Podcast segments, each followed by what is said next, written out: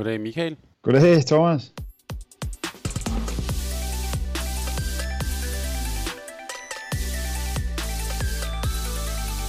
Denne udsendelse er produceret af Mediano Media og sponsoreret af Mediano Håndbolds hovedpartner, Sparkassen Kronjylland.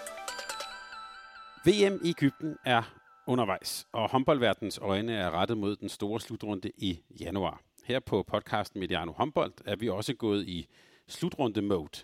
Men ikke mere end at vi stadig og selvfølgelig kan tage os tid til at tale med en af de danske spillere, der har spillet flest slutrunder for Danmark.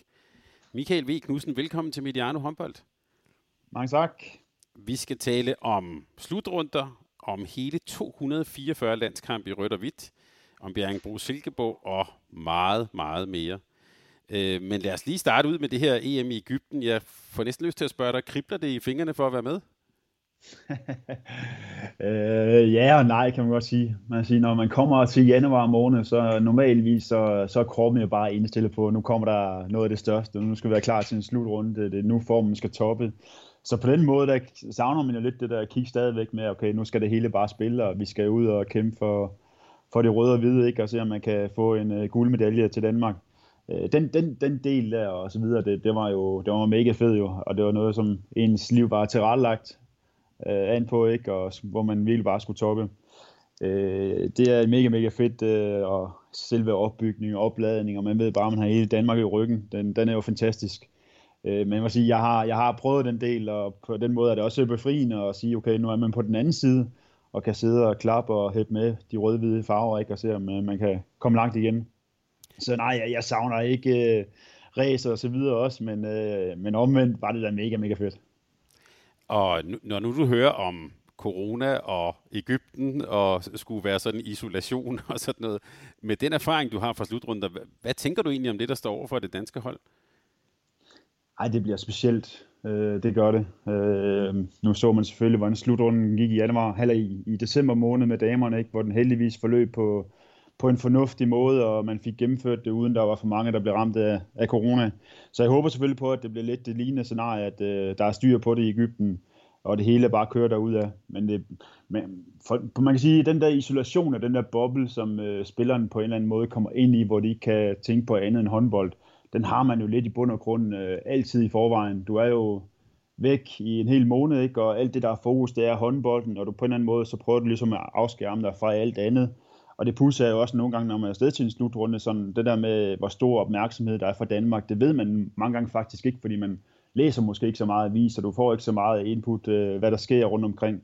Så, så man, man forsøger jo virkelig at komme ind i den der lille boble der i forvejen, Øh, nu er det selvfølgelig bare ekstrem, og der er nogle andre ting, som gør, at man heller ikke kan komme uden for hotel og så videre. Så jeg tror faktisk ikke, det vil betyde så ekstremt meget. Holdet er god til at have fokus på sig selv og have gang i nogle spil og have gang i andre ting, så den dagligdag bliver jo lidt den samme som rum. Ja, vi talte med for nylig her med Henrik Kronborg. Han nævnte lidt det samme som dig, at noget i stil med, at vi er alligevel inde i en, inde i en boble. Øh, så det, det, ting, det hører jeg dig sige, det, det har han egentlig ret i. Ja, det er i hvert fald for mit eget vedkommende, så er det jo netop det, man gør. Man prøver på at afskærme sig for rigtig mange ting, og fordi der er jo mange, mange der gerne vil snakke med en og ringe til en og så videre, og prøve at forstyrre en, og alt det sådan forstyrrer en, det prøver man jo bund og grund på en eller anden måde at komme væk fra. Og så kan man sige, det er måske næsten en fordel nu, man kommer ind i en boble, ikke, hvor man ikke kan blive irriteret af journalister og, og pressefolk, at de faktisk er, er skærmet væk i forvejen. Så på en måde kan det måske næsten øh, blive en fordel, men omvendt, det er selvfølgelig også specielt, at man ikke må komme uden for døren. Du bliver som spiller meget isoleret, og der er nogle ting, som du ikke umiddelbart kan. Men øh, vi har et rutineret hold, så jeg er ret sikker på, at de fleste af dem har jo prøvet det i forvejen og ved, hvad det drejer sig om. Så der, der er jeg slet ikke bekymret for, at det skal få nogen betydning jeg vil sige, at vi har her på Mediano håndbold en lille formodning om, at der er i hvert fald nogen omkring landsholdet, der nogle gange lytter med til det, vi siger. Så hvis du, øh, så hvis du nu skulle give sådan et godt råd til dem, der skal afsted, det her sådan en god slutrundeerfaring, og det her med at og, kan man sige, holde dampen op og undgå lejrkulder, hvad kunne så være nogle gode råd? Ja, men jeg ved fra tidligere også, at der er rigtig mange, der har haft gang i forskellige spil, ikke? hvor man har haft øh, nogle spil, øh, der har der bliver stående fra dag til dag. Så den der fokus og interesse i, at man efter træning og øh, i sin fritid har nogle samlingspunkter, det, det er jo unikt, og det er også med til at skabe selvfølgelig, at det socialt fungerer rigtig godt på holdet. Så der er jeg helt sikker på, at der, der er mange, der har, der har nogle brætspil med, og måske også øh, at man kan stille, spille Playstation videre, og så samle sig om nogle sociale ting på holdet. Der er jeg helt sikker på, der er, er de også godt forberedt. Hvad gør du egentlig selv? Var du, var du sådan en, der deltog meget aktivt, eller havde du også, er du også sådan en typen, der har brug for sådan lidt alenetid, når du var afsted til slutrunde? Ej, jeg havde meget brug for også at være lidt alene. Jeg kan godt lide at være social og være fælles med, med holdkammeraterne og, og alt det taktiske. Og når man er i håndbolden, så er man, så er man virkelig på. Men også øh, når man så har haft overstået den del, kan man sige, så er det rart at lige trække stikket og, og få lidt tid på værelset og snakke lidt med familien og gå en tur og så videre også, så man kommer en lille smule væk fra, fra håndbolden, så det ikke er det, der bliver 100% fokus hele vejen igennem. Øh, men, men det sociale er selvfølgelig af, afgørende for også, at, øh, at det fungerer godt på et hold, og man kan nå de resultater, man gerne vil. Og når nu du ikke skal afsted til Ægypten, så kunne jeg også spørge, hvad, hvad, hvad savner du så bestemt ikke ved at være til slutrunde? Ja, det er jo en måned, man bare tager ud af, af kalenderen, ikke, øh, og ikke øh, ser noget, og ser andre mennesker, ikke gør noget som helst, hvor det er, er fuld fokus, og det er, det er mega, mega fedt, når man er i, i det. Men øh, det er også på en eller anden måde, i hvert fald for mit vedkommende til sidst, ikke, når det stod på år efter år, så vidste du, okay, efter 11 måneder, så skulle du isoleres igen, og så skulle du være afsted øh, langt væk fra familien. Altså den der tomme rum der, den er, den er skide sjov i starten også, men når man har prøvet den øh, 10 gange eller meget, og øh, mere end det, så, så er det selvfølgelig også, at man når til et punkt, hvor man siger, okay, nu er det, ikke det bliver dagligdag, men det bliver den samme rytme igen, altså nogle gange man har brug for ligesom at, at få noget nyt. Jeg havde troet, du ville have sagt maden, men... Øh, Ej, jeg, jeg er faktisk den type, hvor jeg, jeg elsker pasta kødsovs. Jeg kan leve af det døgnet rundt. og sige, de første mange år i hvert fald var, var det, vi fik serveret øh, til frokost og før kampen og efter kampen øh, ikke antal dage i streg. Øh, jeg var så heldig at spille også, øh, hvor man spiller kamp stort set hver eneste dag, så den der rytme med pasta kødsovs, øh, ej, hvor fik vi den mange gange til sådan en slutrunde. Det var helt vanvittigt. Men heldigvis, øh, når det så er en af favoritterne, så går det da. ja, vi hører faktisk nogle gange om og det bliver lige det sidste spørgsmål med det med slutrunder. Vi hører nogle gange øh, ungdomslandsholdstrænerne øh, øh, sige, at det er vigtigt at have nogle af de spillere, som man kan sige, som vi tror på, det er vigtigt, at de også får for slutrunde erfaring. Er det, her, er det der med at være til slutrunde, er det kun noget, man kan om man så sige, lære ved at gøre det? Jeg tror måske mange bliver overrasket over, hvor, hvor intens det er, når man er afsted til en slutrunde. Sådan en, øh, sådan før også, med en hel måned, hvor man bare tager den ud af kalenderen, ikke? og alt der har fokus fra, fra morgen til aften. Du lever, du lever kun for at skal selvfølgelig præstere på banen på de 2 gange 30 minutter. Øh, og hvis du så ikke spiller så meget også, så, nu har jeg heldigvis aldrig været i den situation, jeg har altid fået lov til at spille rigtig meget, men hvis man ikke får en, en central rolle også, så kan jeg sige, så, så bliver tiden øh, sikkert helt, helt vildt langt. Øh, men, men det er jo specielt, fordi der er jo rigtig mange ting i det, når man er afsted i en måned, ikke? Hvordan, hvordan man griber det an. En ting er selvfølgelig pressen, hvordan man øh, takler den del, og skal, skal ikke lade sig påvirke for meget også, om det bliver positivt eller negativt. Den kan fylde ekstremt meget for mange mennesker, som kan lade sig let påvirke af det. Så at finde ud af nogle metoder selvfølgelig på, hvordan man arbejder med den del, er også ekstremt vigtigt. Og så er der selvfølgelig alt med dagligdagen med maden. Altså du, du kan jo ikke selv øh, servere din egen mad. Du skal ind i, øh, som du selv nævnte, øh, hotel, øh, hotellets mad og så videre, hvordan man optimerer den del.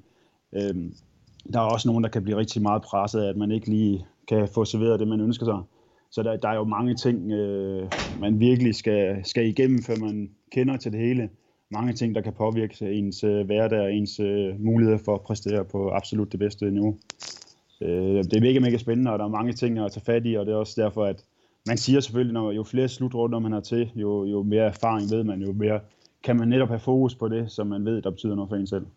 Så lad os lige, nu forlader vi lige det der med slutrunder, men vi kan, vi kan sige til lytterne, at vi kommer i den her samtale forhåbentlig til at øh tegne lidt sådan en rejse fra din tid som ungdomsspiller og ungdomslandsholder ind på, øh, på A-landsholdet, og så det det billede, vi gerne vil tegne. Men jeg kunne godt tænke mig at starte med det helt aktuelle. Du er jo, nu har du jo fået den, den fine titel som sportslig ansvarlig, ansvarlig i Bjergbro Silkeborg øh, håndbold. Hvad, hvad er det for et job? Hvad indebærer det?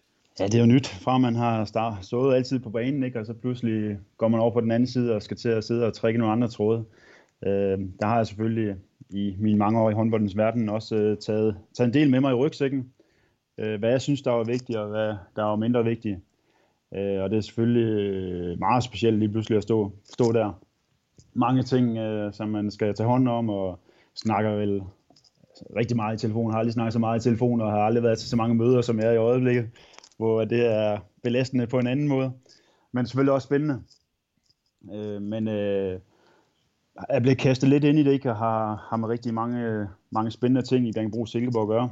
Øh, en ting, øh, som selv siger, sportslig ansvarlig, altså have med det sportslige omkring øh, ligaholdet, øh, klubben, øh, har vi i gang i noget ungdomsafdeling også, hvor vi ligesom forsøger at få et nyt U17-projekt øh, øh startet op, få hele den del integreret osv. også, øh, have med sponsorerne at gøre og bliver brugt i den forbindelse også øh, eventekampen. Så jeg bliver kastet godt rundt i det hele og får, for jo blev lidt til hist og pist, og det kan man sige, håndboldens verden er jo også øh, en forholdsvis lille, lille verden. Øhm, så der er brug for alle de kræfter rundt omkring. Og det her med et U17 og et U19-projekt har jeg også øh, hæftet mig ved. Man kan sige, øh, tilbage i tiden har jo øh, ja, BSV, som det hed tidligere, jo været sådan lidt sådan en overbygning, men det lader til, nu er I også ved at arbejde sådan lidt mere øh, intensivt med, med ungdomsdelen. Hvad er det, I er i gang med at bygge op der? Ja, det kan man sige, det er også øh, fra mit kendskab til klubben tidligere, hvor vi netop kun har haft øh, et elitehold. Og det gør selvfølgelig rigtig meget ved en klub, øh, en klubs DNA, at du kun har et, øh, et hold, øh, som har al fokusen, og nogle gange bliver lidt, øh, i hvert fald i Bjergbrugs, øh, Silkeborgs tilfælde også, øh, sådan måske lidt for meget, øh, man kan ikke kalde det et købehold, men sådan et fokus, hvor man selvfølgelig skal vinde for, for enhver pris, ikke?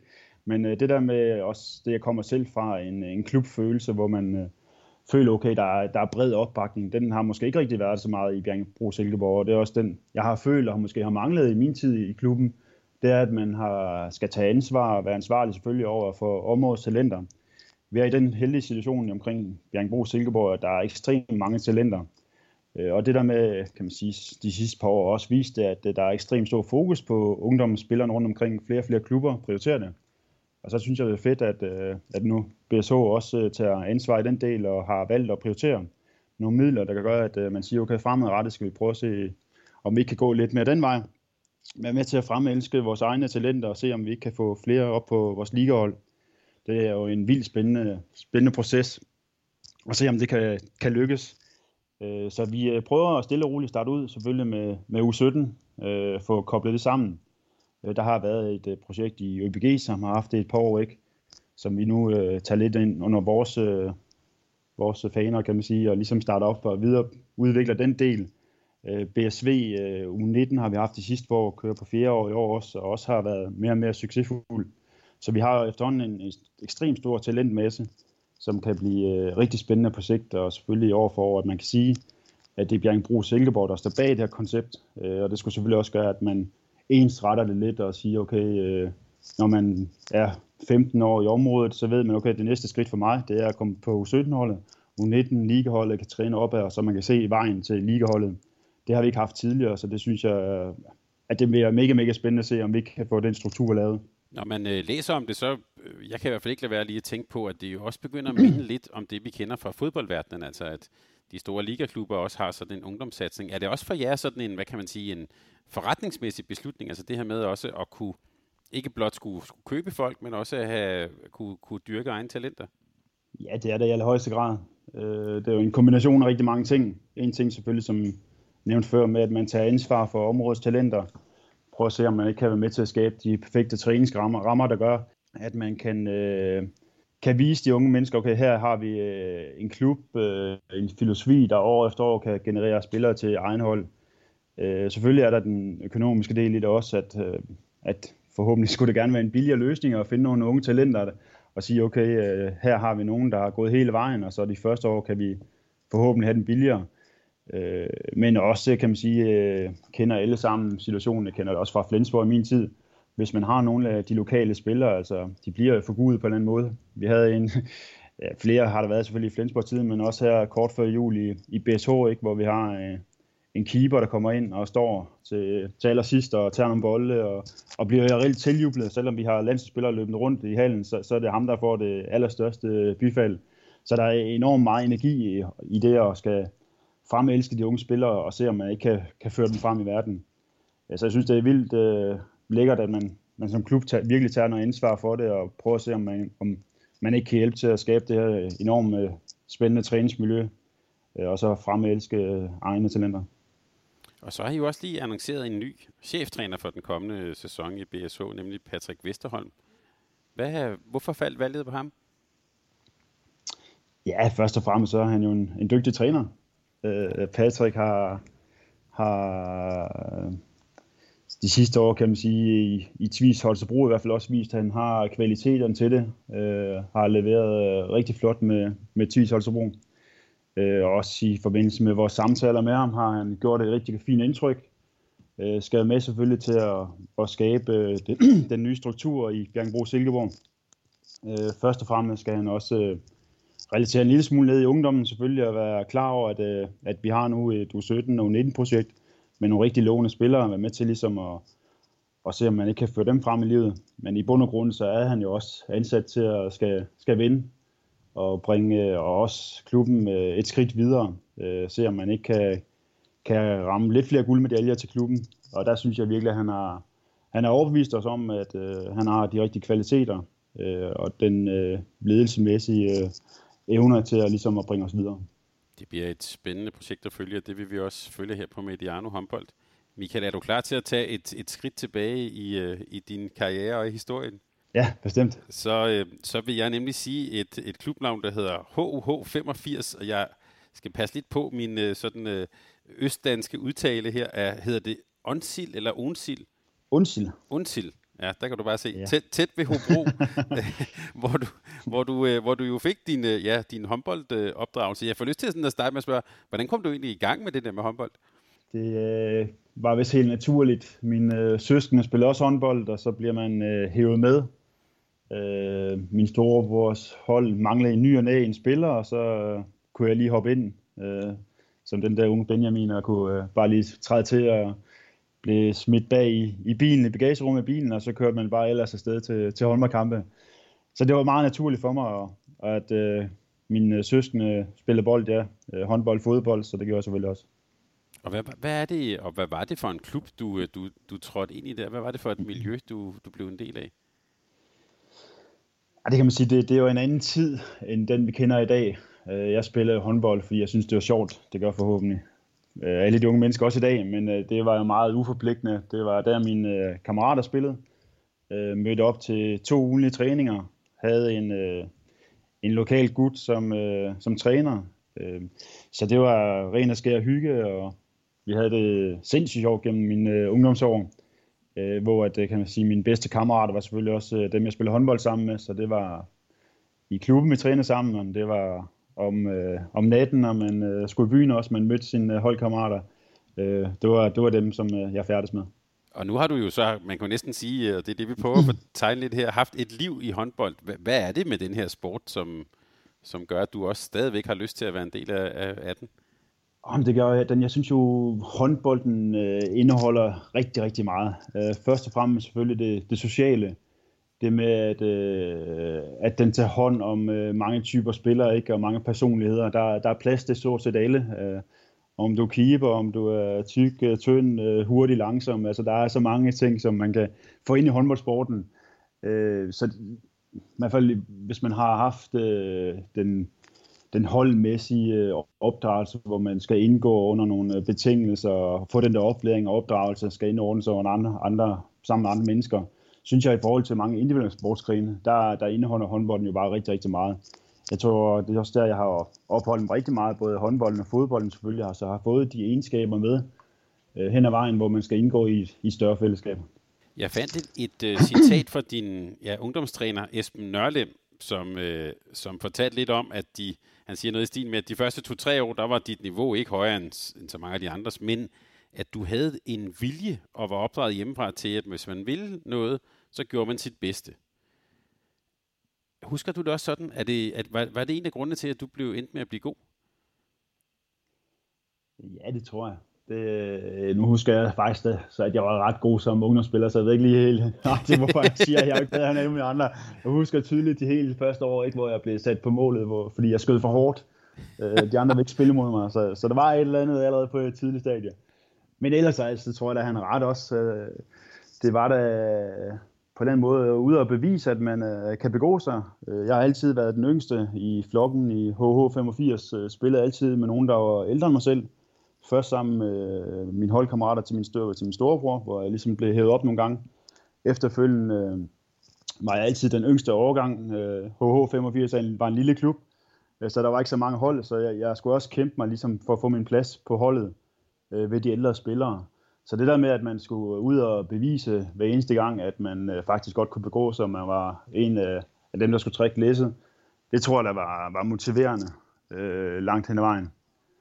Øh, samtidig med, kan man sige, med hyggen, det med, at øh, jeg spillede fodbold til langt op, også i min ungdomsår, havde håndbolden sideløbende med. Øh, kombinationen, tror jeg, gjorde, at øh, jeg reelt ikke øh, som ungdomsspiller havde de store mål om at skulle øh, på udvalgte hold og så videre. Så det var noget, der kom meget selv. Det var bare øh, en del, der fulgte med, og så havde jeg det, havde det sjovt. Man kan sige, øh, jeg har så altid været så heldig, kan man sige, at være udtaget til, til håndboldens øh, kredshold, øh, jyskhold, øh, planhold og så videre hele vejen op. Jeg har aldrig blevet frasorteret. Det tror jeg måske også, det er en af de eneste, jeg næsten kender i min omgangskreds. Jeg har hørt om, at, at jeg har jo på den måde været heldig til altid at, at være med og blive valgt, valgt til. Og det ved jeg ikke, hvis jeg måske på et eller andet tidspunkt havde fået et knæk om og ikke blev udtaget, så er jeg da ikke sikker på, at jeg måske havde, havde fortsat med håndbolden. For jeg havde vidderlig ingen sådan store ambitioner om, at jeg skulle føre det noget ud i livet. Altså det er bare noget, der, der kom. Og det med, når man så endelig var i, i gamet, man var til håndboldtræning, man var til fodboldtræning, jamen så gjorde man selvfølgelig bare det bedste, man kunne. Det tror jeg, det var noget af det, jeg har med hjemmefra. Men man kunne godt, når man har set dig spille, øh, uden at kende dig personligt, men når man har set dig spille, kunne man jo godt få et indtryk, at her er en person, hvor der, hvad kan man sige, brænder en indre ild, altså øh, vilje, øh, fight, øh, det der med at gå forrest, det, det, i hvert fald når man har set dig spille, virker det meget, meget naturligt. Kommer det måske også fra det der med, at du skulle bevise dit værd og hele tiden sådan spillet lidt opad? Ja, det tror jeg bestemt. Øh, alt det snakker jeg selvfølgelig også om i dag, når man snakker med talentudvikling, at du skal træne op, at du skal blive presset, ikke, så man altid øh, kan få den rigtige sparring. Det skal ikke være, det skal ikke være for let. Nu ved jeg, at du også er lidt, øh, øh, du er også lidt børnetræner ved siden af. Du, øh, der bruger du også tid i halen og giver lidt tilbage. Øh, og nu nævnte du det der med, det var, du, jeg tror, du sagde noget med, at det var en anden tid. Hvad, hvad er egentlig forandret? Hvad oplever du hos børn og unge nu, i forhold til da du selv var, var, var på den alder? Jamen, det tror jeg også, det er, det er en af grunden til det. Øh, der er stor forskel på, på min tid, og så den tid i dag selvfølgelig. Øh, jeg kunne tillade mig at, at have, øh, kan man sige, ikke et liv, det har de også i dag, men at jeg, jeg spillede virkelig for sjov. Jeg havde jo langt op i min, i min tid øh, det sociale sammen med mine holdkammerater i H85, hvor vi øh, trænede, så trænede vi seriøst. Så var det 100%, vi gav os, og vi ville selvfølgelig vinde for enhver pris. Men det var også sådan, øh, når så træningstiden var forbi, så havde vi tid til at måske en fredag eftermiddag sætte os ned og få en øl ned i Hobro efter skoletiden osv., hvor jeg også har oplevet den del af det. Og det tror jeg måske også, det er en af grunden til, at jeg spiller håndbold så lang tid, at, at det har været sjovt for mig. Det, er ikke, det har været seriøst, men, men det er ikke sådan, at jeg har skulle måles og vejes øh, gennem hele min ungdomskarriere. Jeg har haft tid til at skære en lille smule ud, og på den måde øh, altid haft øh, den der indre motivation, der kan slå igennem, når jeg så endelig stod på banen, og så vidste jeg, okay, nu er det nu, nu skal jeg ind og yde og brænde igennem, og der skal være ild i øjnene. Man skal ikke være brændt ud, som måske man ser lidt i dag, øh, hvor man, øh, specielt i fodboldens verden, også i en meget, meget tidlig alder, selvfølgelig træner ekstremt meget. Man bliver mål, man bliver vejet, man skal skifte skole, man får nye kammerater der kan man sige, at hele mit, øh, i min opvækst har jeg haft det samme miljø, de samme kammerater. Jeg har ikke skiftet, skiftet ja, miljøer til andre steder. Og det der har været en ekstrem tryghed for mig, at jeg så lang tid øh, før jeg faktisk skiftede til Viborg, kunne være i det samme, samme, de samme omgivelser. Og der, der, der er jo i hvert fald en kæmpe forskel i forhold til, hvad man gør, gør i dag, og hvad jeg har været udsat for i min ungdomskarriere. Oplever du også, at de hvad kan jeg sige, børn og unge, måske også lige frem med deres forældre, er det, øh, er det sådan blevet mere alvorligt og seriøst og ambitiøst? For mit eget vedkommende, altså jeg har også haft nogle forældre, der har kørt mig og har haft en enorm, vist en enorm interesse i min sportsgren, men der har aldrig været noget pres, der har aldrig været noget øh, for nogen forventning om, at jeg skulle det ene og andet. Det har altid kommet for mig selv, øh, min egen intention, intention og interesse i altid det der med at skulle gøre det bedste, skulle yde det optimale og finde ud af, hvad, hvad der reelt var min vej. Øh, og der har vi selvfølgelig også i dag nogle øh, ambitiøse forældre, der langt hen ad vejen øh, måske næsten kører deres børns øh, ambition og, og tænker på, at det er den her vej her. Og man kan jo bare ikke øh, tvinge de unge mennesker øh, til noget som helst. Altså det, den der indre glæde og gejst og lyst skal bare komme fra, fra sportsfolkene selv. Øh, og der kan man sige, man kan jo heller ikke, øh, min min øh, talentudvikling kan man heller ikke sige, at den vil fungere i dag. Altså jeg kan jo klare, at folk øh, træner mere i dag, end jeg gjorde i mine unge år. og sådan, det er blevet en naturlig konsekvens af, af den måde, vi ser eliteopbygning på. Øh, så, så, men nogle af tingene, kan man sige, er i hvert fald vigtigt stadigvæk det, man har lysten af gejsten, og, og har også en lille smule tid til at, til at lave andre ting, end måske lige kun håndbolden øh, 24 timer i døgnet. Den tror jeg stadig på er rigtig vigtig. Og nu nævnte du jo, at du øh, skød hårdt og var øh, øh, heldig og dygtig til at blive udtaget til, til de her forskellige kredshold og sådan noget. Øh, Torben Winter, den tidligere landstræner, han har i en podcast her med os på Mediano Håndbold fortalt, hvordan han øh, så dig på et øh, kredshold, og så i, i den trænertrup, der var der, kom så ideen om at gøre dig til stregspiller. Du var jo, øh, spillede du mest venstre bak egentlig øh, i, i din børne- og ungdomsår? Ja, jeg har altid været bagspiller, altid været den der talent, øh, talentfulde playmaker, der kunne se spillet og havde en god fodfinde. Øh, skuddet, det var måske ikke helt så skarpt, men øh, de andre ting, øh, synes jeg selv var gode. Og det kan man sige, jeg er jo også udtaget til, ja, til niveauet lige under landsholdet som bagspiller. Og så som du selv siger, så, så var jeg til en sommerlejr, og der skulle udtages det første øh, yndlinglandshold på det tidspunkt. Og så ved jeg ikke øh, lige, hvad der helt nøjagtigt skete, hvorfor man øh, lige pludselig blev sat ind på, på stregen. Jeg har selvfølgelig hørt nogle historier om, at netop Torben Winter og Kurt Nielsen øh, må have set nogle talenter i mig, øh, hvor de tænker, okay, ham der kan måske bruges på stregen i stedet for. Fordi det var lidt pudsigt fra den ene dag til den anden, at øh, man blev kigget på som bagspiller, og så den næste dag er man en stregspiller. Øh, men øh, man sige, som, som min karriere har gået, har det jo helt sikkert været det rigtige valg, og jeg er selvfølgelig taknemmelig for os, at de, de så det i den sommerlejr. Jeg tænker også, hvad, altså, bare sådan, hvis du kan huske det der, altså, der må have været på et eller andet tidspunkt, hvor de har sagt, du skal være streg, Michael. Øh, jeg tænker også, om det var noget, du overhovedet selv, selv havde lyst til, eller hvad, hvordan du reagerede på den idé? Jamen, øh, jeg tror igen, at det var noget, der bare kom. Øh, det er ikke noget, jeg sådan har stillet øh, de store spørgsmålstegn ved. Og det tror jeg også måske, hvis man i dag havde været udtaget stort set til niveauet lige under landsholdet, og som bagspiller, og så der kommer en, en træner og siger, hvad, kunne du ikke være stregspiller? Så ved jeg sgu ikke lige, hvordan man havde reageret. Men på det tidspunkt øh, var det ikke noget, jeg stillede spørgsmålstegn ved. Jeg tror bare, at jeg synes, okay, kan jeg komme på landsholdet som øh, stregspiller, så, så er det da en udfordring. Så prøver jeg da bare det. Øh, og det var sådan, det lykkedes, og det, jamen, så gik det jo også øh, rigtig, rigtig godt faktisk fra, fra den første landskamp og de første samlinger. Øh, og man blev mere og mere tryg i den, øh, den øh, plads. Men det pusse er faktisk også, at, øh, at på landsholdet ikke blev udtaget til, til stregspillere, men på klubholdet hjemme i HH85, det, også det sidste, de sidste år spillede jeg stadig bagspiller, men var så kun stregspiller, mens jeg spillede på landsholdet. Så jeg fik jo ikke, øh, kan man sige, ret meget træning i det at være stregspiller. Det var kun, når jeg med landsholdet. Øh, og det, det ville jo heller ikke ske den dag i dag. Nej, men du, øh, jeg, jeg ved i hvert fald, at man nogle gange fremhæver dig, når man taler om det her med tidlig specialisering, og man skal spille forskellige pladser og sådan noget. Der, der, der kommer dit navn ofte op som en, der jo har skiftet plads relativt sent og fik succes med det. Så. Ja, man siger, det er også en øh, fordel, kan man sige. Øh, jeg har jo øh, som stregspiller i hvert fald også øh, lukreret lidt på, måske man har haft øh, tankgangen som bagspiller, ved hvor man skal løbe hen, ved hvor man skal sætte screeningerne at man har haft en øh, god forståelse for, hvad, hvad, hvad er spillet, og hvad, hvor skal man placere sig hen Så der kan man sige, den, der har jo i hvert fald taget den del med mig ind i mit, øh, i min stregspil, og har haft en øh, helt klart bedre forståelse for rigtig mange ting, både i forsvaret og også i angrebet, i forhold til nogle spillere, som måske har spillet streg i, i hele deres liv.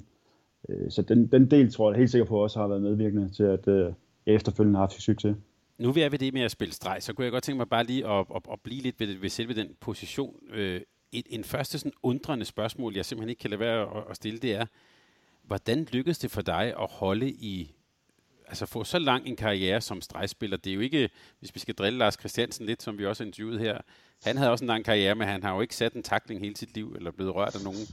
Du, det, men hvor du havde den der altså, øh, øh, hvad kan sige, mange fysiske konfrontationer, lad os bare sige det sådan. Hvordan lykkedes det dig egentlig at, at, at, at holde sig længe? Jamen, jeg tænker meget af det ligger i, i generne også, hvad jeg har fået med derhjemmefra, at man øh, skal kæmpe, man skal fight for det. Øh, det er en af tingene, øh, men, mentaliteten. Øh, fordi det er også, det er tit at snakke med folk om, altså hvis man som stregspiller ikke øh, i sin karriere til sidst har lyst til at skal ind og tage de der kampe, nærkampe, slåskampe hele tiden, så klart, så, så, så, så kan du ikke spille håndbold, altså så kan du ikke spille på stregen, så kan du, kan du ikke øh, gøre en forskel. Øh, så du skal jo konstant være klar til at virkelig gå ind og fight. Og der tror jeg bare, at jeg har haft også en god, øh, god øh, tendens og en god, god øh, hvad skal man sige, øh, tilgang til tingene. Øh, jeg godt øh, vidste, at når man gik på banen, så er det igen øh, charmen, det er, at man skal ind og fight, man skal ind og kæmpe for hver eneste meter. Øh, du skal ind og gøre en forskel. Øh, der, den mentale del har jeg været god til at arbejde med mig selv. Og så er det selvfølgelig det fysiske, at hvordan kan man holde til det. Øh, og der har jeg ja, selvfølgelig levet sundt og også har passet på min krop. Jeg har levet professionelt, og min, min generation, kan man sige, er den første, der sådan for alvor spiller til, til man når ja, min alder, kan man sige, øh, de 40 år, 40 plus. Det er jo aldrig rigtig sket før, og det, det er jo helt klart, det er en, en af grunden er selvfølgelig, at der er kommet mere økonomi i, i sporten, at øh, jeg har kunne leve 100% af håndbolden. Jeg har ikke skulle tage stilling til et arbejde, jeg har ikke haft skulle tage stilling til andre ting. Jeg har kunne prioritere min, øh, min, klop, min krop, eller krop, ikke det med at kunne, øh, kunne sove, kunne spise, kunne få behandling øh, virkelig optimere hele min hverdag til, til 100% håndbold. Og der, der har jeg selvfølgelig også været meget øh, skematisk og været utrolig stærk på den front til at, til at lave en hverdag, der passer. Og den der position, man taler jo nogle gange om, øh, i hvert fald hvis man sidder og følger med i tv, så, så er der ligesom sådan to typer af, af stregspillere. Der er den, der er sådan, man siger, den ryggende, og så er der den, mere, den der mere står stille, Agina Galde, og skærer banen over. Øh, hvordan udviklede du egentlig sådan din, øh, hvad kan man sige, din stil og din spillestil som stregspiller? Ja, det er jo noget, der er kommet hen ad vejen. Det er jo ikke, fordi jeg har haft en filosofi om, at øh, min stil var en bestemt en. Øh, man kan også se, man sådan efterfølgende gør det lidt op, så er det jo lidt, som du selv siger, enten er man øh, ryggen, eller så er man meget sådan bombastisk og kan, kan stå fast, og man kan spille ind på. Og der tror jeg, jeg har været sådan en god kombination af mange ting.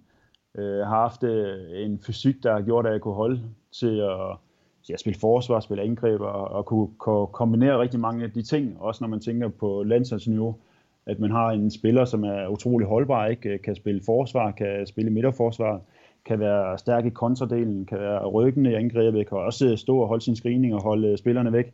Der har jeg jo besiddet mange af, af de kvaliteter. Øh, og så tror jeg bare igen det, som, som vi snakkede om før, at øh, jeg har været, været bagspiller, kan, kan, kan læse spillet, er god til at se, hvor, hvor hullerne var. Så jeg har altid været en spiller, som har scoret forholdsvis mange mål, har været, har været god til den del af spillet også. Og det gør selvfølgelig også øh, rigtig meget, når man kigger på, hvad for en stregspiller man ønsker på et hold. Om det er en, der kan, også kan, kan lave nogle mål samtidig med, at han er, er skarp i forsvaret. Du har faktisk også, øh, ligesom Savstrup nu her, scoret en del mål på kontra også, så det var jo også en del af din kompetence. Øh, så jeg, det er også derfor, jeg spurgte dig. Jeg vil også øh, beskrive dig som en meget altidig øh, håndboldspiller, øh, apropos det med specialiseringen. Øh, ja, det synes jeg er fedt. Altså, jeg synes jo netop, de spiller også, hvis jeg sådan, nu når jeg sidder på den anden side, ikke, og hvor man tænker på, hvordan, hvordan skal holdet sammensættes.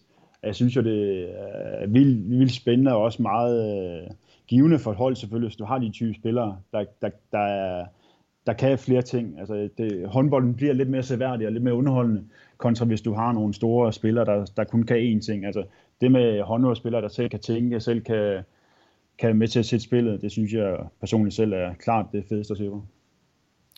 Du nævnte det her med, med, med ungdomslandsholdet og så videre. Der kom man jo så sige, at du kom ind på en, en generation med ja, til UVM, øh, hvor i 99 med, med Torben Winter, det var jo så nogle navne som Lars Kro Jeppesen, Lars Jørgensen, Bo Spillerberg og så videre, som du også nævner. Bo Spillerberg spiller jo, spiller jo stadigvæk. H- hvad var det for en, en generation af danske spillere, og, og man kan sige, hele den sådan øh, trup og de, øh, de overgang, der var der. H- hvad var I for nogen? Ja, og det er jo faktisk lidt pudsigt, kan man sige. Øh, netop den overgang, øh, som blev verdensmester i 1999. Øh, vi var jo øh, et øh, kul af talentfulde spillere, men vi var faktisk lidt, lidt udråbt som øh, spillere, der aldrig rigtig vil blive til noget, og som, som ikke havde de der unikke øh, kompetencer øh, til at kunne øh, gøre en forskel. Hvorimod det uhold der var før os, som var med Storgård, Lav Jarsen, Krampau, Kasper Witt i målet, øh, som var, var de helt store stjerner, og det fulde var også, når vi sådan trænede, øh, vi var altid samlet i Brøndby og havde træning øh, mandag tirsdag, og så skulle vi selvfølgelig til slut have nogle træningskampe med de hold der, hvor vi blev kørt fuldstændig over. Altså vi var virkelig, de var markant bedre øh, end os på det tidspunkt. Selvfølgelig var det også ældre, det var klar men, men deres niveau på det tidspunkt var, var virkelig højt, og var dem, man troede på, okay, det bliver den kommende generation af landspillere. Men der tror jeg igen, det som, som før, vi, vi skal træne op af, vi vidste godt, okay, vi var, vi var måske ikke dem, der havde det allerstørste åbenlyst talent, men vi skulle kæmpe, og vi skulle virkelig kæmpe for ligesom at nå de ting, vi gerne ville. Og så har det så vist sig efterfølgende faktisk, øh, at det var os, det var vores generation, der efterfølgende kom på landsholdet, og så også var med til at, ligesom, øh, at skabe øh, basen på det, på det kommende, kommende A-landshold. Og jeg tror igen, men den, den mentalitet øh, er bare igen en væsentlig forskel. Vi øh, blev oplært af det Torben Winter på det tidspunkt selvfølgelig, som gjorde et øh, kæmpe godt stykke arbejde, som jeg virkelig har stor respekt for os, som gjorde, at øh, viste os vejen, øh, viste, hvad det krævede for ligesom at komme til tops, at øh, det, det er sgu hårdt arbejde, der er ikke noget, der kommer af sig selv.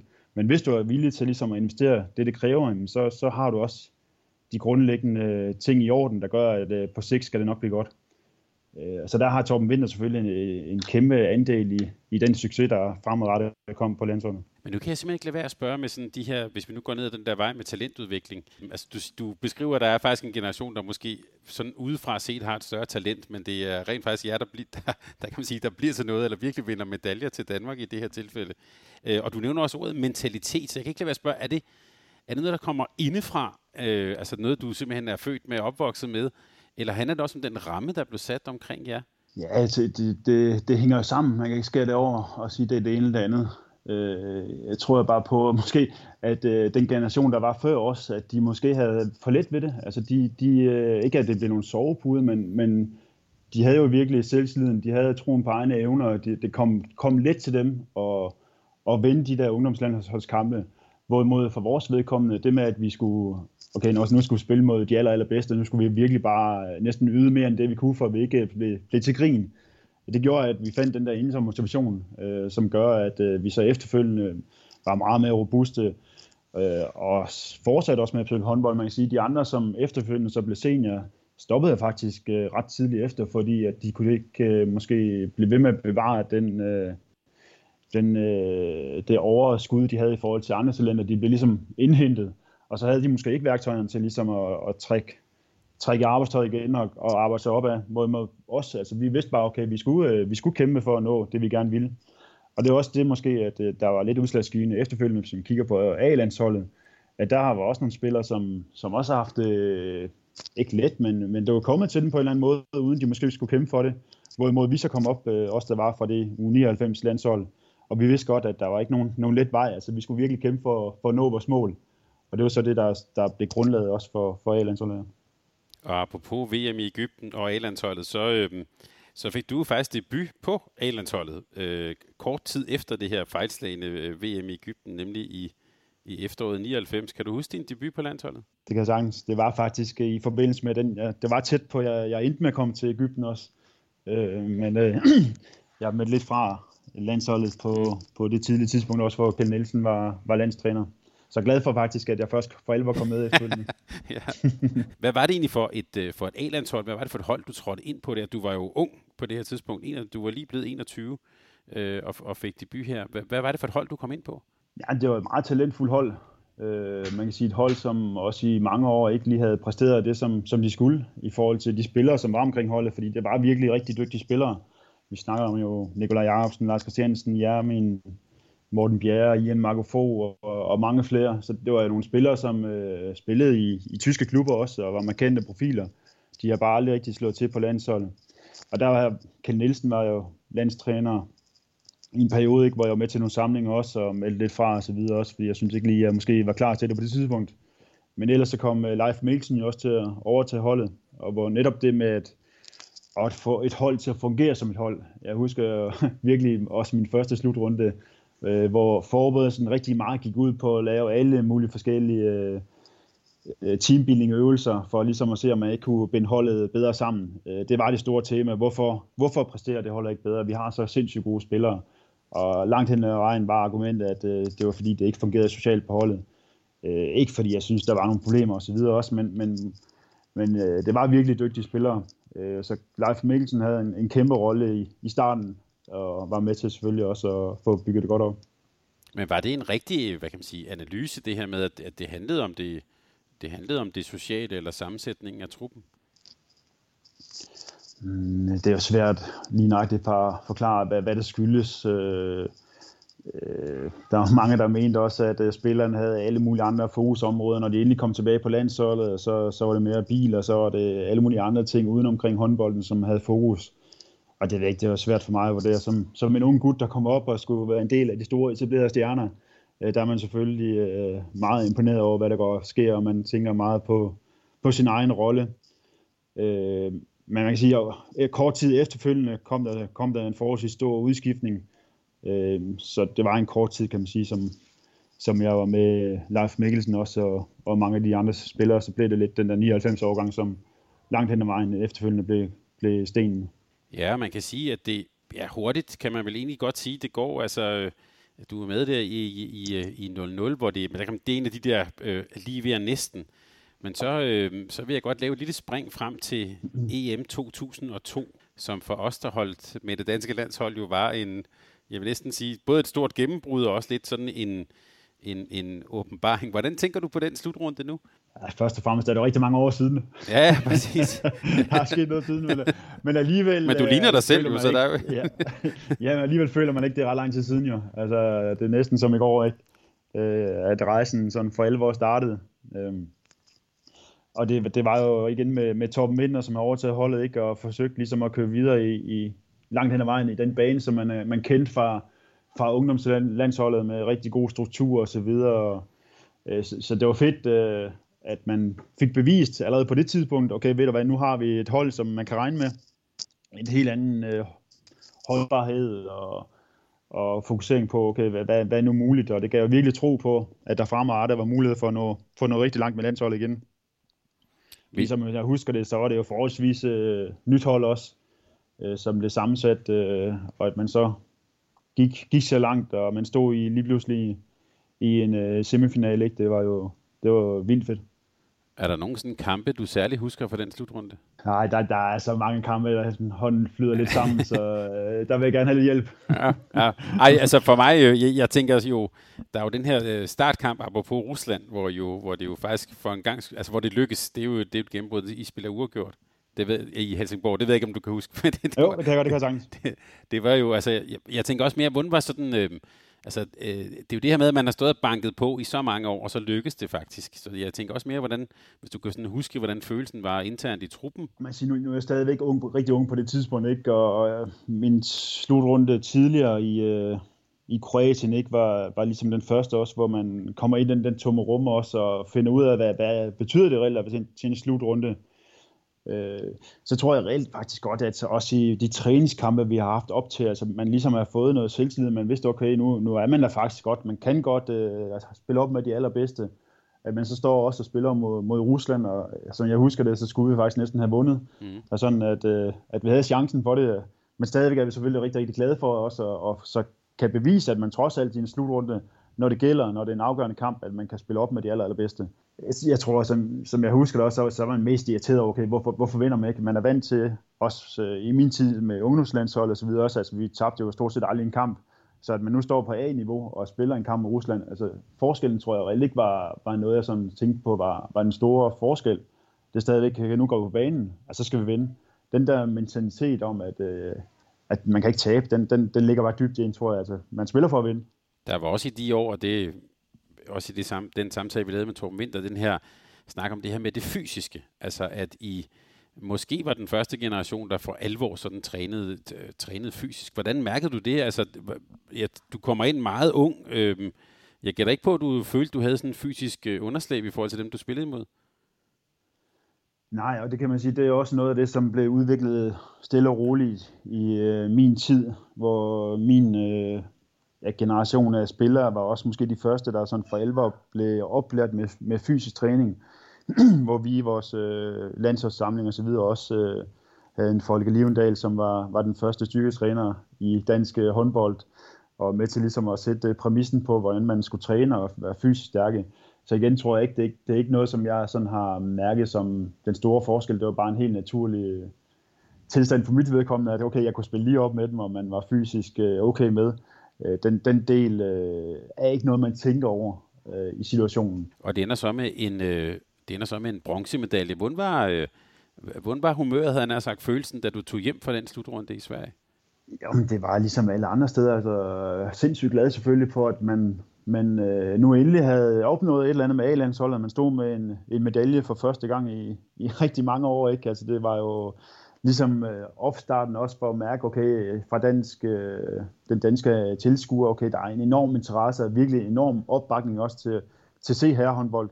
Vi har stået i skyggen i rigtig mange år af, af damelandsholdet, øh, og alle folk talte jo næsten mere damehåndbold end herrehåndbold, så at man lige pludselig mærkede nu, okay, nu kan herrerne faktisk også godt være med på topniveau.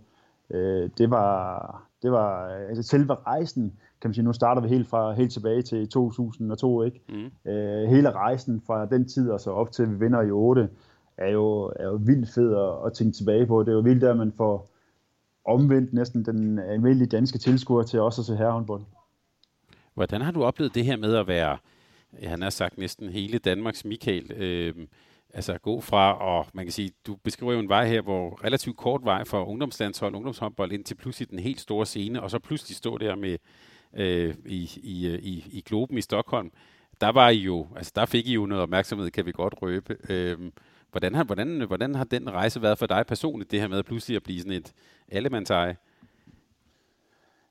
Jamen, øh, den, det har selvfølgelig været specielt. Ikke noget, jeg har, har hængt mig så meget i. Øh, men selvfølgelig kunne man godt øh, fornemme, at far man er gået til ikke at, at der er så mange, der kender en, så lige pludselig vender folk sig om og så videre og kigger. Og specielt øh, tiden i Danmark, øh, der er folk måske ikke helt så gode til at skjule det, som øh, jeg kender fra min tid i Flensborg og Tyskland, hvor man får lov til lidt mere at, at gå for sig selv og ikke øh, blive kigget så nær så meget efter. Ikke fordi jeg har sådan har, jeg har ikke overhovedet ikke ændret på mig selv, eller har gjort nogle ting anderledes. Øh, lever det liv, jeg forsøger at gøre bedst muligt. Og, og, men har selvfølgelig også stor respekt for, at folk har interesse for det, vi går og laver, og også på den måde har, har forsøgt at betale lidt tilbage til håndbolden, når man har mulighed for det, men, øh, men ikke fordi jeg har ændret nogle vaner eller har gjort noget anderledes. Jamen, det er også vi, vi er lidt i retning af, det er jo, at man kan sige, I får det her gennembrud i Sverige, men der kommer jo også nogle, hvad kan vi sige, et par våde klude i ansigtet, eller, eller nogle, i hvert fald nogle vanskelige slutrunder. Øh, et eksempel kunne være, nu vi er i Nordafrika, VM i Tunesien i 2005. Det var jo sådan et, et, et, i hvert fald et sted, hvor, også, hvor der var meget kritik og øh, meget snak, og hvor det også, også efter, efter endte med, at Torben Winter jo blev, øh, blev gået som landstræner. Hvordan oplevede du så i i den forbindelse at være sådan i mediernes søgelys og, og, og, og være et sted, som var sådan meget offentligt, kan man sige, at jeres nederlag blev sådan diskuteret i Danmark? Ja, jeg tror igen, jeg er meget afslappet i forhold til det. Altså afslappet i forhold til, når det går rigtig godt, og også afslappet i forhold til, når det går, går skidt. Øh, der, der, der er man selvfølgelig også øh, forpligtet, og man også øh, øh, skal selvfølgelig også være, være stor i, i nederlaget, stående ikke, og være med til at, at forklare, hvorfor. Øh, og det tror jeg måske også, det har været en af grunden til, at man at fra min side er blevet respekteret rundt omkring og har forståelse for det, at, øh, at øh, selvfølgelig udtaler man sig, og man øh, prøver på at, at være fair og sportsligt korrekt, og det går rigtig godt, men også når man taber, altså, så sætter man også ord på. Øh, I bund og grund, så, så, så lever vi håndboldspillere af interessen. Vi lever af folk, der, der kan lide at se os og, og interessere for, for det, vi går og laver. Men man kan godt, når man kigger tilbage, måske tænke på det der VM i Tunesien som sådan et, Øh, altså også en form for vendepunkt. Øh, det er selvfølgelig, der kommer jo ny landstræner, men, øh, men derfra går det jo øh, egentlig med raketfart opad. Var, var, det, var det sådan et af de der gode nederlag, eller er det noget, der stadig gør ondt, når du tænker på det VM? Nej, alle nederlag gør, gør ondt, og, og jeg, vi havde jo også selv forventet måske mere under den slutrunde. Øh, omvendt er der også bare stor jævnbyrdighed inden for, for herrehåndbolden, og specielt på det tidspunkt hvor der var måske næsten endnu flere hold om, om budet for at kunne vinde en guldmedalje. Øh, så jeg, jeg, ikke, at det, det var noget vendepunkt. Jeg tænker bare på, at øh, folk ramte ikke måske lige formen på det tidspunkt. Øh, fordi bund og grund har vi jo ikke ændret øh, ret meget efterfølgende. Altså Torben, Torben Winter var meget, meget grundig og øh, var meget respekteret ind omkring holdet også. Så man kan sige, det var ikke fordi, at øh, han gjorde noget ret meget anderledes. Øh, så fik vi selvfølgelig en, en anden træner efterfølgende, som så lidt øh, anderledes på, på mediebilledet i forhold til den måde, som Torben han øh, valgte at gøre det på. Og det, det, kunne man, det kunne måske sige, okay, det gav måske noget, noget frihed og noget ekstra energi øh, lige pludselig at, at have et andet samarbejde med pressen, end man tidligere har haft. Hvis du bare skal sætte nogle ord på ham med vores, vores ven fra Viborg, hvor du også selv, selv spillede i, i en del af de her år her, Ulrik Vildbæk. Hvad gjorde han egentlig ved holdet? det kan blive en lang snak. Nej, Ulrik har helt klart øh, mange spidskompetencer. Ulrik har først og fremmest en enorm erfaring i at, at sammensætte et hold og få, få hold til at præstere, øh, få hold til at stå sammen.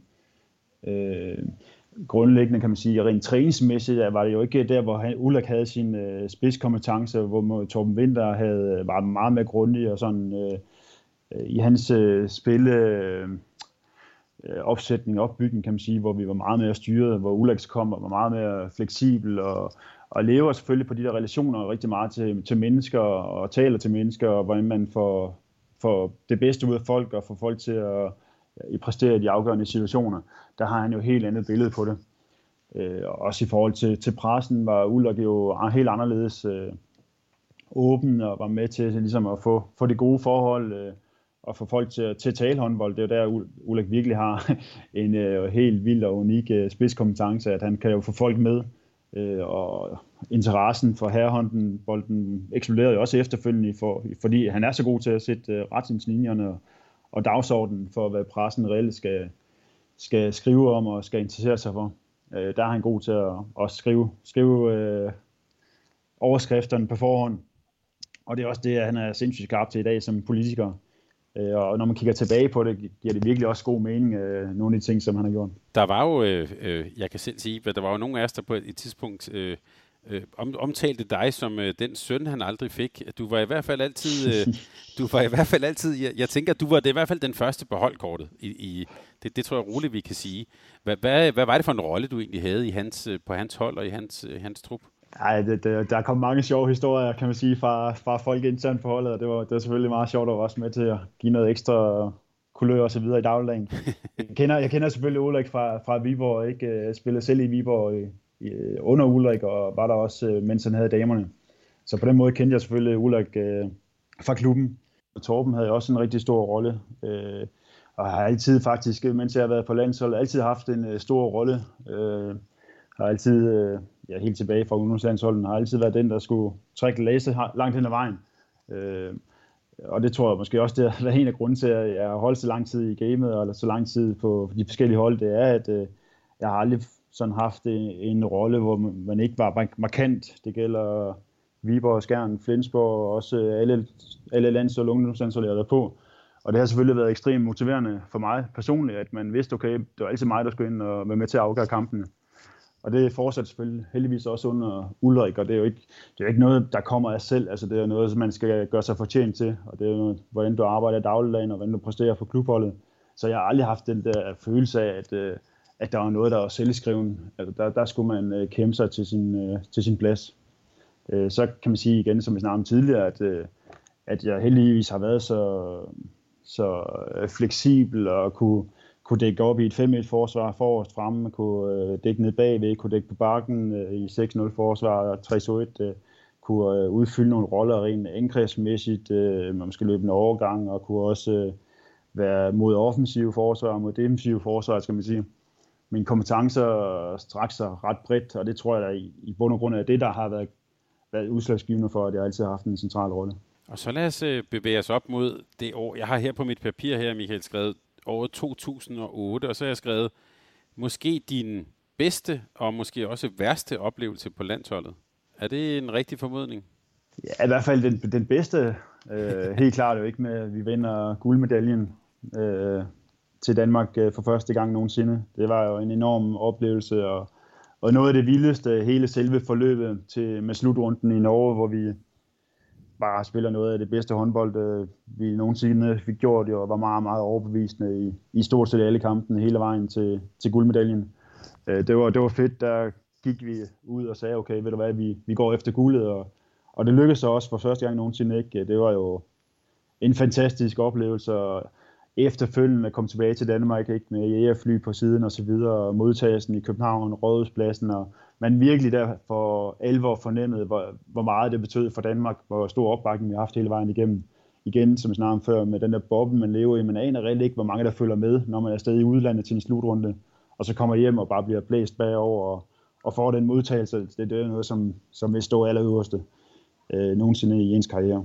Bare lige den der, øh, den der udmelding, øh, det er i hvert fald efterfølgende blevet udlagt lidt som, at det var sådan lidt en, en form for presbold, som, som Vildbæk lavede. Hvordan, hvordan oplevede du det som spiller? Jamen, øh, ikke nogen presbold. Det er igen det med, hvordan man melder nogle ting ud til pressen, øh, hvor pressen ikke skal have alting at vide. Altså under Torben Winter er jeg faktisk også næsten sikker på, at vi, vi havde ambitionen om, at vi ville vinde guldet og det har vi også haft efterfølgende med Ulrik. Men det var selvfølgelig første gang, man måske øh, øh, melder det offentligt ud og siger, okay, nu er det guldet. Det er kun guldet, vi går efter. Øh, det, ikke at det er nogen presbold, fordi det var faktisk det, holdet også ønskede, og vi havde også nogle møder op til slutrunden og så videre. Hvordan gør vi det her? Hvad skal vi, hvad skal vi sige? Hvad skal vi ikke sige? Også hold, jeg har været på tidligere også, hvor man nogle gange har den der lidt slattende udmelding og siger, okay, ej, vi går kun efter efter top 8. Jeg tror sågar, jeg hørte det nu, at øh, landsholdet her til Ægypten siger, at top 8, øh, det er, det er, første, øh, det er første step. Og man siger, jamen for fanden, altså der er jo ikke en eneste, der, der har top 8 som ambitionen om, at man skal nå til, til VM her i januar måned. Det er jo, det er jo som nordmændene siger, det er jo, det er jo til grin, det er et, et hold som Danmark siger top 8, altså det hører så ingen steder hjemme jo. Men det er jo nogle gange for at sige, folk skabe lidt ro måske. Men jeg, jeg har det personligt sådan, altså om jeg melder det offentligt ud eller det internt, altså selvfølgelig går man efter at vinde guld, når man har de kvaliteter, vi har. Øh, men måske for nogle spillere, det man får i talesæt, og man øh, siger, okay, nu er det simpelthen guldet, vi er ikke tilfredse med kun, øh, kun top 4. Det tror jeg da helt klart, det, det kan øh, nogle gange øh, være en fordel, at man melder så klart og tydeligt ud. Øh, og man siger også, øh, når det så lykkes efterfølgende, at man siger, at man går efter guldet, og man står med guldet. Altså, det var, det var da en mega fed oplevelse. Lars Christiansen fortalte os her på Mediano håndbold, øh, at, at for, han, han blev sådan lidt overrasket over, at de andre hold faktisk sagde, Nå, nu skal vi til at regne med Danmark. Altså, at I indtil da havde været måske et hold, lidt, ligesom Norge er nu, altså altid med og i sådan en, en top 4 med nogen, der aldrig havde, havde vundet guld. Det der med at gå fra at være et, et semifinalhold til at rent faktisk at, at vinde guld, hvad er det for et, et skridt, man skal tage der? Jamen, det er måske meget godt rammende, at du siger, at uh, Lars Christiansen siger det, hvor han havde været i en lang periode, ikke, hvor, hvor de ikke havde vundet noget. Uh, hvor han så bliver ramt af et eller andet, okay, nu kommer der unge spillere op og siger, okay, vi vil, vi vil vinde guld, altså vi, vi har ikke prøvet andet. Hvor Lars måske næsten nogle gange kunne øh, ind i den der superdags og bare være tilfreds med at være en del af et eller andet. Men det, det kan man sige, det var os, der havde prøvet at vinde. Altså vi var ikke tilfredse med at kunne være en del af et eller andet. Altså for os var det det, at vi ville vinde. Og det tror jeg måske, det er meget rammende, og måske netop for sådan en fyr som Lars, har det måske netop været, været godt at sige, okay, nu går vi efter guldet. Hvorimod det ligger måske mere naturligt, i hvert fald for mit vedkommende har det altid været naturligt at gå efter guldet, fordi det var det, jeg kæmpede for. Det var det, at øh, hele min det hverdag var tilrettelagt for. Jeg havde ikke, øh, altså hvis jeg kun gik efter top 8, altså, så tror jeg, så havde jeg stoppet med at spille håndbold for lang tid siden. Altså det er det der drive med at skal vinde. Det er det, der har hele tiden holdt mig i ilden og gjort, at jeg har lyst til at, at, at lave min hverdag 100% efter håndbolden. Og så øh, kan man sige, den her, øh, det her EM-guld fulgte jo også, også til, at de så skulle til OL i, øh, i sommeren i, i Beijing. Og nu sagde jeg, at det var en af de værste oplevelser på landsholdet. Du bliver nødt til lige at fortælle os og lytterne, hvad var det egentlig, der skete med dig i Beijing? Ja, og jeg har, jeg har det sådan lidt, øh, nu siger du godt nok den værste oplevelse, men det er jo ikke sådan, jeg ser på det. Mm. Jeg har, synes, jeg har haft øh, sindssygt mange fede oplevelser med håndbolden, og, og har altid gået efter, efter guldet. At man så bliver ramt øh, nu i forhold til Beijing der, med, med en blindtarmskade, som man ikke på nogen måde kunne have forudset, og kunne ikke på nogen måde have, have gjort noget som helst ved. At det var noget, der en sygdom, der kommer og rammer en. Og selvfølgelig var det pisse og selvfølgelig var det ikke det, jeg regnede med. Men øh, omvendt sådan er, er livet nogle gange, jeg kunne, jeg kunne umuligt have, have gjort noget anderledes. Øh, så for mig på det tidspunkt var det komme hurtigst muligt over det og komme i gang igen og, og få sat nogle øh, nye målsætninger. Øh, så så jeg, jeg ser det ikke som en stor øh, personlig nedtur. Øh, det er en del af det at være i, i det her game. Nogle gange så bliver man ramt af noget, som man ikke selv kan gøre noget ved. Øh, og det gjorde jeg på det her tidspunkt. Ja, jeg tænker også, nu er det jo mine ord med det værste, men det, jeg tænker, det må have været en, en stor drøm, og måske også så dermed også en stor skuffelse ikke at kunne få lov at, at, at spille ved det OL. Ja, helt klart. Selvfølgelig var det det. var det hele sommeren øh, var gået med at forberede sig op til at have haft øh, igen måneders opladning og afsted fra familie og så videre. Netop fordi, at man, man håber på, okay, nu skulle vi øh, ned have en OL-medalje. Øh, var med til indmarsen, var med til den, til den allerførste kamp. Øh, havde fået lidt smertestillende øh, og var, var klædt om faktisk øh, før kampen. Øh, skulle til at lunde i gang med opvarmning, men må så erkende, ved du hvad, jeg kunne, kunne simpelthen ikke. Jeg havde fået en pille og spurgte efter en pille mere og havde 40 feber. Øh, så kroppen... Øh, var for grænsen til at give op, og vi blev så også enige om, at ved nu, det duer ikke det her længere. Jeg har haft det i den sidste uge i Kina næsten op til den her kamp, øh, sådan on-off. Øh, bliver så kørt ud til ambulancen, og så går selv ind i ambulancen, øh, og får så lavet nogle prøver også med det samme, og jeg får besked på, at det er blindtarmen, da jeg så skal ud af ambulancen og hen til hospitalet, kunne jeg slet ikke gå. Jeg, jeg sad og kunne ingenting. Det er faktisk lidt den, den vildeste oplevelse, jeg næsten også sådan har oplevet, hvor, hvor hurtigt kroppen, med det jeg har været inde i min egen lille boble, og havde tænkt, okay, nu skal jeg ind og spille en landskamp. Det er det eneste, jeg har fokus på. Prøvede bare at samle sammen på hele kroppen. Og da jeg så skal ud og skal ind på sygehuset, der kunne jeg ingenting. Altså jeg måtte øh, køre i en øh, kørestol, kunne efterfølgende ikke stå op eller sidde op for at få taget rundt en billede, øh, og blev, blev opereret øh, ganske få timer bagefter, hvor, hvor jeg var ret presset faktisk at være på et øh, kinesisk hospital, og havde ikke nogen rundt omkring mig. Der kunne, de kunne stort set ikke noget engelsk. Jeg var rimelig glad for faktisk, at vi havde en, en dansk læge med på det tidspunkt, som, øh, som kunne tage sig af mig. Apropos det her med, med, med piller og sådan noget, øh, vi har jo set dig spille med, jeg har sagt, flækket øjenbryn og to blå øjne og sådan noget. Du fremstår også som en, der har måske en lidt anden smertetærskel end den almindelige dansker, eller hvad? Ja, det er helt sikkert, jeg har. Det, må jeg, måske, det er noget af det, jeg har lært uh, lang tid her i slutningen af min karriere, hvor at, uh, jeg har fundet ud af, okay, jeg, jeg skal måske nogle gange være bedre til at passe lidt på mig selv. Jeg er stærk modstander af piller, skal sige. Jeg har stort set ikke taget en eneste pille sådan i min karriere. Jeg tror absolut ikke på, at det har noget godt med sig. Jeg er kun med til at, og ødelægge øh, ens øh, krop og så videre. Så på den måde, øh, også en af grunden til, tror jeg faktisk, at jeg kunne holde mig så lang tid, at jeg har sådan forholdsvis spillet på min egen smerte, og så kan man sige, okay, så har jeg måske haft en høj smertetærskel, men det har så også gjort, at jeg aldrig har nået derud og har, har ødelagt min krop på en eller anden måde. Øh, så har jeg mentalt bare kunne indstille mig på, okay, det gør en lille smule ondt, men øh, hellere at spille på smerte, end at spille på piller.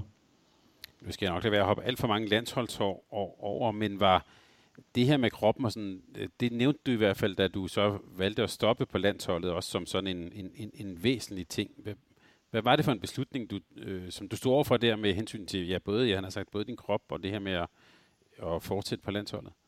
Ja, det er en meget svær beslutning. Måske også en af de sværeste beslutninger, jeg har, har truffet til dato. Øh, fordi man, også for mig personligt, landsholdet har selvfølgelig betydet rigtig meget, og det har virkelig været de fedeste oplevelser. Øh, det jeg kan, kan repræsentere sit eget land og spille for, for Danmark i de røde farver, det har selvfølgelig fyldt øh, ekstremt meget for mig. Øh, men må også erkende, at jeg på et tidspunkt var nået dertil, hvor jeg har spillet i, ja, i øh, altså, jeg blev det til 15 år på landsholdet, på A-holdet og, og, og også på ungdomslandsholdet, hvor hele mit liv havde været håndbold, øh, og havde sådan nået mange af de målsætninger, som jeg kunne drømme om, og havde svært ligesom at også finde måske motivationen, hvad, hvad er det næste, jeg gerne vil. Der var jeg måske øh, fyldt op og følte ikke den samme glæde, ved ligesom at skulle afsted til en januar måned. Og, og der har jeg altid sådan været, skulle have sagt til mig selv, jeg skal være ærlig over for mig selv, den dag lysten ikke er der mere, jamen så, så, så får man heller ikke det optimale ud af mig. Og der, der kan man sige, var der i, i 12 også, og 13, hvor jeg meldte fra til en slutrunde, fordi jeg simpelthen følte, at øh, okay, ved du, jeg, jeg er ikke lige der, hvor jeg skal være. Jeg har Flensborg, og det, det suger vildt mange kræfter, også med de lange rejser dernede, at der var tid til ligesom at, at skulle prioritere en lille smule anderledes. Jeg har også fået mit tredje barn på det tidspunkt, som jeg ikke øh, gad at have så meget med mig på det tidspunkt. Så det gjorde selvfølgelig også lidt ondt, at man havde en familie, hvor man øh, ikke måske følte sig næsten i overskud og ikke lige øh, kunne bidrage på den måde, som man ønskede. Så der var sådan flere ting, der gjorde, okay, hvor jeg sagde, at landsholdet et års pause her, og så vil jeg så med til slutrunden i Danmark i 14. At det skulle ligesom være det. Og så når den, ja, det, det lykkedes så også at komme med til slutrunden 14, og så kan man sige, så, så havde jeg svært ved at se derefter, hvad, hvad, hvad er det næste mål for mig, for mig, hvad er det, jeg skal arbejde hen imod. Øh, og så følte jeg, at tidspunktet var, var det rette til at trække stikket og sige, ved du hvad, nu har jeg haft sindssygt mange gode oplevelser med landsholdet, og jeg har simpelthen ikke øh, øh energien og kraften og overskud til at, ligesom at, at skal være med her mere, og så have, have fuld fokus på, på klubberne. Jeg tænkte bare, hvis du, skulle, hvis du savner lidt motivation, så var det jo måske, at du kunne overhale Bo Spillerberg. Han står noteret for en landskamp mere end dig. Ja, den har han så fået efterfølgende. Det er, hvor Spillerberg har fedtet sig til den, hvor han har siddet på bænken i ikke antal kampe.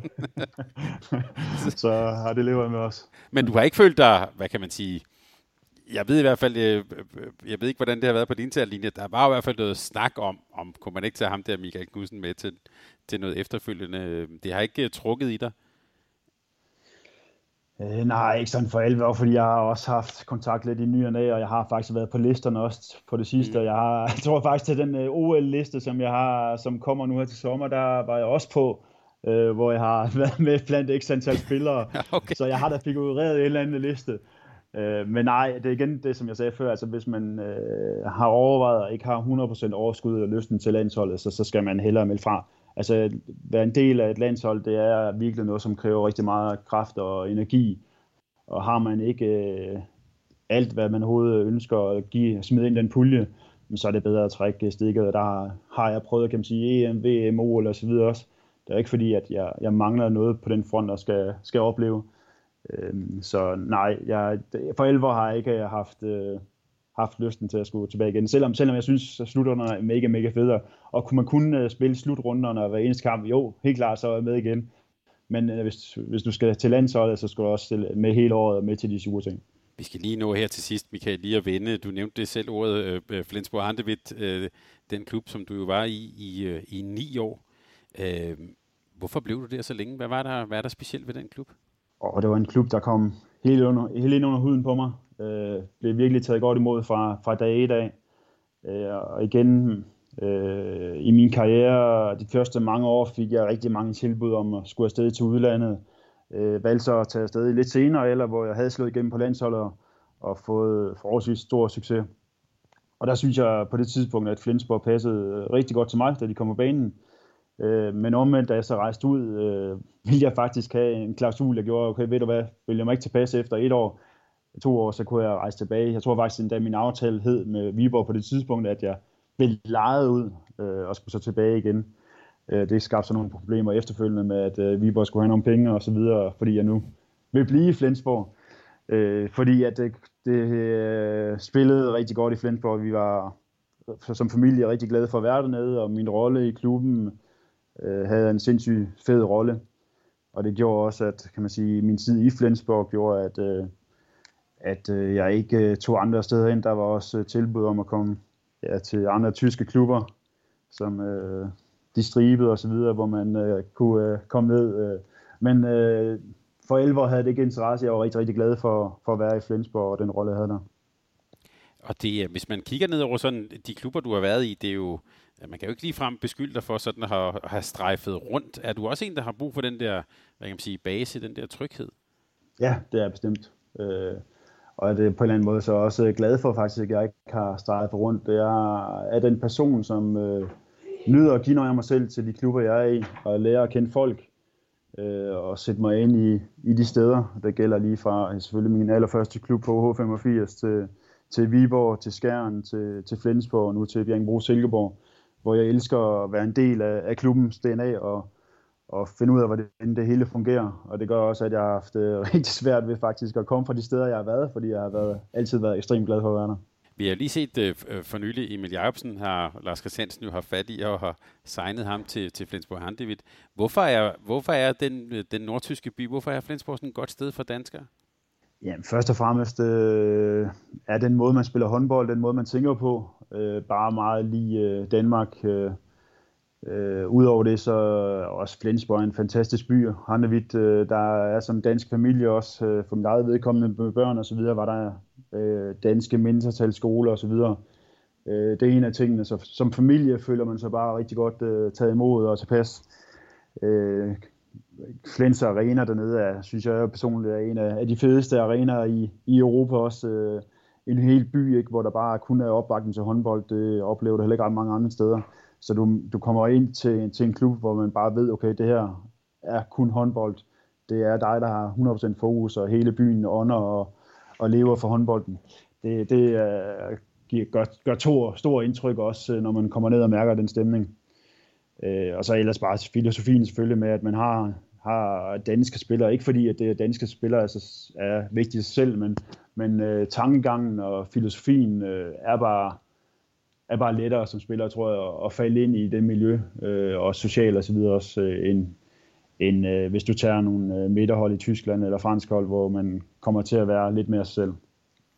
Hvordan, hvordan oplevede du så at gå fra, ja, fra Flens Arena og så komme til, øh, til Silkeborg og til den, øh, til den danske liga? Hvordan var den overgang? Man skal jo passe på med ikke at sammenligne de to ting. Hvis du gør det, så, så tror jeg på, så bliver det kun noget skidt. Øh, du skal jo igen, som, som jeg synes, jeg har været dygtig til i min karriere, finde nogle øh, målsætninger, hvor du siger, okay, det er her, du brænder for, det er det her, du gerne vil. Øh, det, er, det er alt afgørende i dagligdagen. Øh, øh, og der kan man sige, for mit vedkommende, det her med at flytte tilbage til Bjergenbro Silkeborg, der var mit helt store mål, det var, okay, vi skal vinde et dansk mesterskab. Det er det alt afskyggende mål for mig. Det er derfor, jeg vil til Bjørn Bjergenbro Silkeborg. Og så kan man sige, så, så var det sportsligt, der havde 100% fokus for mig. Det var, okay, så jeg skal ind og levere det, det jeg forventer af mig selv, og bidrage til, at selvfølgelig, at, at vi vinder medaljen. Fordi hvis du sammenligner med, med Flensborg selvfølgelig, med, med hjemmebanen og med opbakning og hvordan klubben og, og byen bare lever for det, altså det, det, det er to vidt forskellige ting, og så kan man kun blive skuffet. Men omvendt øh, har Bjergbro et andet setup, og de har nogle andre fans, som også gør det ekstremt godt øh, på den måde, som er muligt her i Silkeborg. Man kan sige, at du så også har lavet en skabelon, som senere hen både Jesper Nødesbo og René Toft har fulgt efter. Det er gode danske ja. stregspillere, der vinder hjem. Det, der har du åbenbart banet vejen øh, øh, ja. øh, øh for andre. Bare til sidst her, øh, Michael, nu har vi tegnet sådan en, en, en fuld cirkel tilbage til, til BSH. Jeg tænker, at den afsked, der var jo planlagt ved jer, afskedskampe og, og alt sådan noget, hvordan, hvordan var det egentlig at sige farvel midt i corona og uden at få det der store, den der store afsked? Ja, meget specielt. Altså, man siger, de sidste år har været meget specielt, også øh, med den afslutning var ikke det, jeg havde, havde håbet på. Jeg er helt klart i min, i, min, øh, i mit hoved selvfølgelig regnet med, at jeg skulle stå med, med en eller anden guldmedalje over hovedet og stå og juble og mærke den der fornemmelse øh, ja, her til allersidst. Øh, det var jeg ret sikker på, for det faktisk ville lykkes også. Øh, så det var, var alt, der var i hovedet for mig, og alt, hvad jeg kæmpede for. Øh, det så blev øh, slutningen blev en øh, kamp i, i Nordsjælland, øh, øh, og efterfølgende øh, en afskedskamp, hvor der ikke kom ret mange mennesker i hallen osv. også. Det er så, hvad det, hvad det var. Nu er jeg ikke sådan den, der har behov for en helt stor opmærksomhed, og selvfølgelig også, men selvfølgelig var det fedt, at klubben øh, valgte at, at lave trods alt et, et, øh, en sidste kamp, og ligesom gør, tage den del øh, og runde, runde det lidt af. Og så vil jeg bare lige slutte af med at spørge dig her til sidst. Nu talte vi om om VM i Ægypten og målsætninger. Hvor er, hvad er dit bud? Hvor går det Danmark til VM? Jamen, øh, altså, jeg kan ikke se, at der er andet end guld, der tæller jo. Altså, jeg synes, vi har et rigtig spændende hold. Har profiler hele vejen rundt, der kan gøre, at vi skal vinde guld. Når man så siger det, så ved man også godt, okay, der, der er flere hold om budet. Øh, man skal ramme øh, topniveauet i de bestemte kampe. Øh, men til VM, man siger, det, er jo, det er jo lettere at vinde et VM, end det er at vinde et EM. Det er begrænset faktisk, hvor mange kampe de skal præstere på allerhøjeste niveau, før man står i en øh, semifinal, og også faktisk, før man har vundet guld. Det er, det er ekstra, antal få kampe, faktisk skal vindes, øh, fordi så møder man Bahrain, og så møder man andre hold, som man kan sige, som, som reelt er sportsligt uden betydning. Øh, så der er rigtig mange lidt fæsende, fæsende hold til en VM-slutrunde. Men så er det selvfølgelig også, at man skal præstere, når man så endelig kommer de gode hold. Men øh, en guldmedalje kan man da godt håbe på, synes jeg. Øh, Jamen, ved du hvad, det, det synes jeg vil være et godt budskab fra dig til holdet. Øh, det, øh, lad, lad, lad os slutte på det, Michael. Tak for det. Og ja, så, øh, så vil jeg bare lige en personlig lille note til sidst her sige dig personligt tak for en fantastisk indsats i, øh, i rødt og hvidt. Det, øh, fra du kom ind på holdet, har det altid været en fornøjelse at følge dig på en håndboldbane, så det vil jeg bare personligt sige dig tak for. Og tak fordi, ja, og tak fordi du vil være med her på Mediano Håndbold. En kæmpe fornøjelse. Tusind tak. Ja. Tak fordi du lyttede til en podcast af Mediano Håndbold. Hvis du kunne lide udsendelsen, så husk at abonnere på Mediano Håndbold, der hvor du hører podcasts. Så får du den seneste udsendelse serveret direkte til dig. Du må gerne fortælle dine venner om os, og husk at følge os på Facebook, Twitter og Instagram. Milliard håndbold kan lade sig gøre, takket være Sparkassen Kronjylland. Vi har gået hånd i hånd siden foråret 2018, og de er med os hele 2020.